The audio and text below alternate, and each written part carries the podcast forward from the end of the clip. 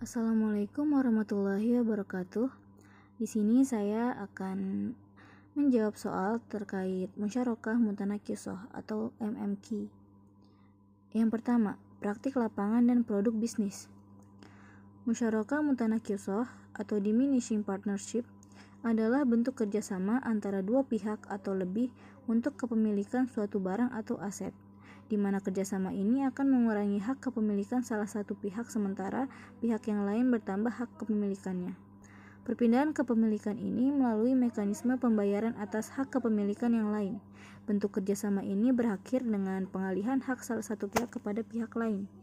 Dari definisi pemahaman tersebut, konsep akad musyarakah mutanakisoh dijadikan sebuah konsep dalam pembiayaan perbankan syariah, yaitu kerjasama antara bank syariah dengan nasabah untuk pengadaan atau pembelian suatu barang yang mana aset barang tersebut jadi milik bersama.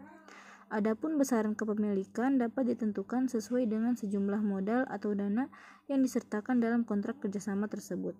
Selanjutnya, pihak nasabah akan membayar atau mengangsur sejumlah modal atau dana yang dimiliki oleh bank syariah.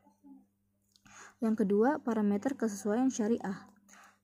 Dalam masyarakat mutanakisoh, baiknya tidak mengandung transaksi yang dilarang dalam Islam, seperti riba, goror, maisir, dan lain-lain, dan sesuai dengan akad transaksi syariah, yang dalam prakteknya berdasarkan pada akad musyarakah mutanakisoh juga tetap menjaga adab-adab syariat Islam. Yang ketiga, adab etika bisnis Islam. Proses musyarakah mutanakiso hendaknya membuat kesepakatan bersama terkait besaran modal dari kedua pihak yang bersangkutan. Kemudian, masing-masing pihak memiliki tanggung jawab untuk dapat menyelesaikan pembiayaan hingga akhir. Yang keempat, usul fikih. Berdasarkan firman Allah Subhanahu wa taala yang berbunyi, "Hai orang-orang yang beriman, penulilah penuh, penuhilah akad-akad itu. Quran Surat Al-Ma'idah ayat 1 Kemudian uh, firman Allah, Hai orang-orang yang beriman, janganlah kamu saling memakan harta sesamamu dengan jalan yang batil, kecuali dengan jalan perniagaan yang berlaku dengan suka sama suka di antara kamu. Dan janganlah kamu membunuh dirimu. Sesungguhnya Allah adalah maha penyayang kepadamu. Quran Surat An-Nisa ayat 29 Yang kelima, kaidah fikih. Pada dasarnya, semua bentuk muamalah boleh dilakukan kecuali ada dalil yang mengharamkannya. Yang keenam, makosid syariah. Dengan menggunakan akad musyarakah mutanakisoh, nasabah mendapatkan keuntungan yaitu berupa kemudahan dalam memiliki suatu aset karena bekerja sama dengan bank dalam membayar aset tersebut sesuai porsi modal masing-masing. Juga nasabah mendapatkan keringanan untuk memenuhi pembayaran porsi dari modal bank karena karena adanya akad ijaroh kepada nasabah itu sendiri atau nasabah lain. Untuk bank sendiri mendapatkan keuntungan dari penyewaan aset kepada nasabah dengan sistem bagi hasil.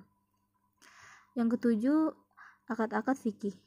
Sesuai dengan praktiknya berupa kesepakatan bersama antara bank dengan nasabah menggunakan akad musyarakah mutanakisoh dan juga termasuk di dalamnya akad ijaroh dengan sistem bagi hasil yang nisbahnya telah disepakati bersama oleh bank dan nasabah. Yang kedelapan, konsep fikih muamalah.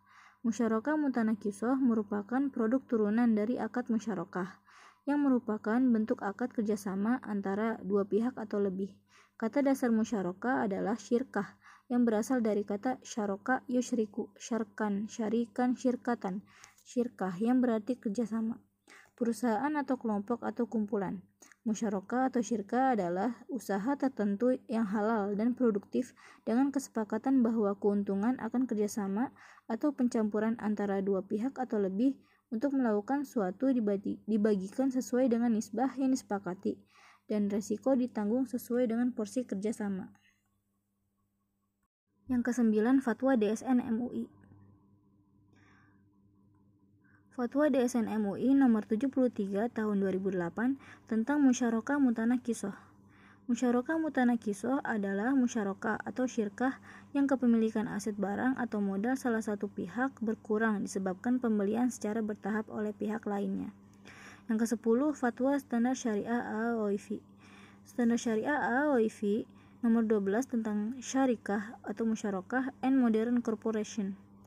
Syarikat Al-Aqad Kemitraan kontraktual berarti perjanjian antara dua pihak atau lebih untuk menggabungkan aset, tenaga kerja, atau kewajiban mereka untuk tujuan menghasilkan keuntungan. Yang ke-11 UU dan regulasi terkait.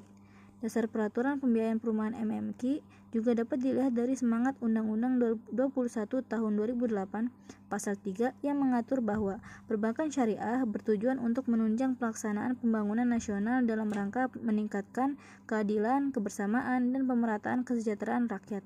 Dengan demikian, akad MMK sebagai alternatif pembiayaan perumahan merupakan implementasi dari undang-undang perbankan tersebut.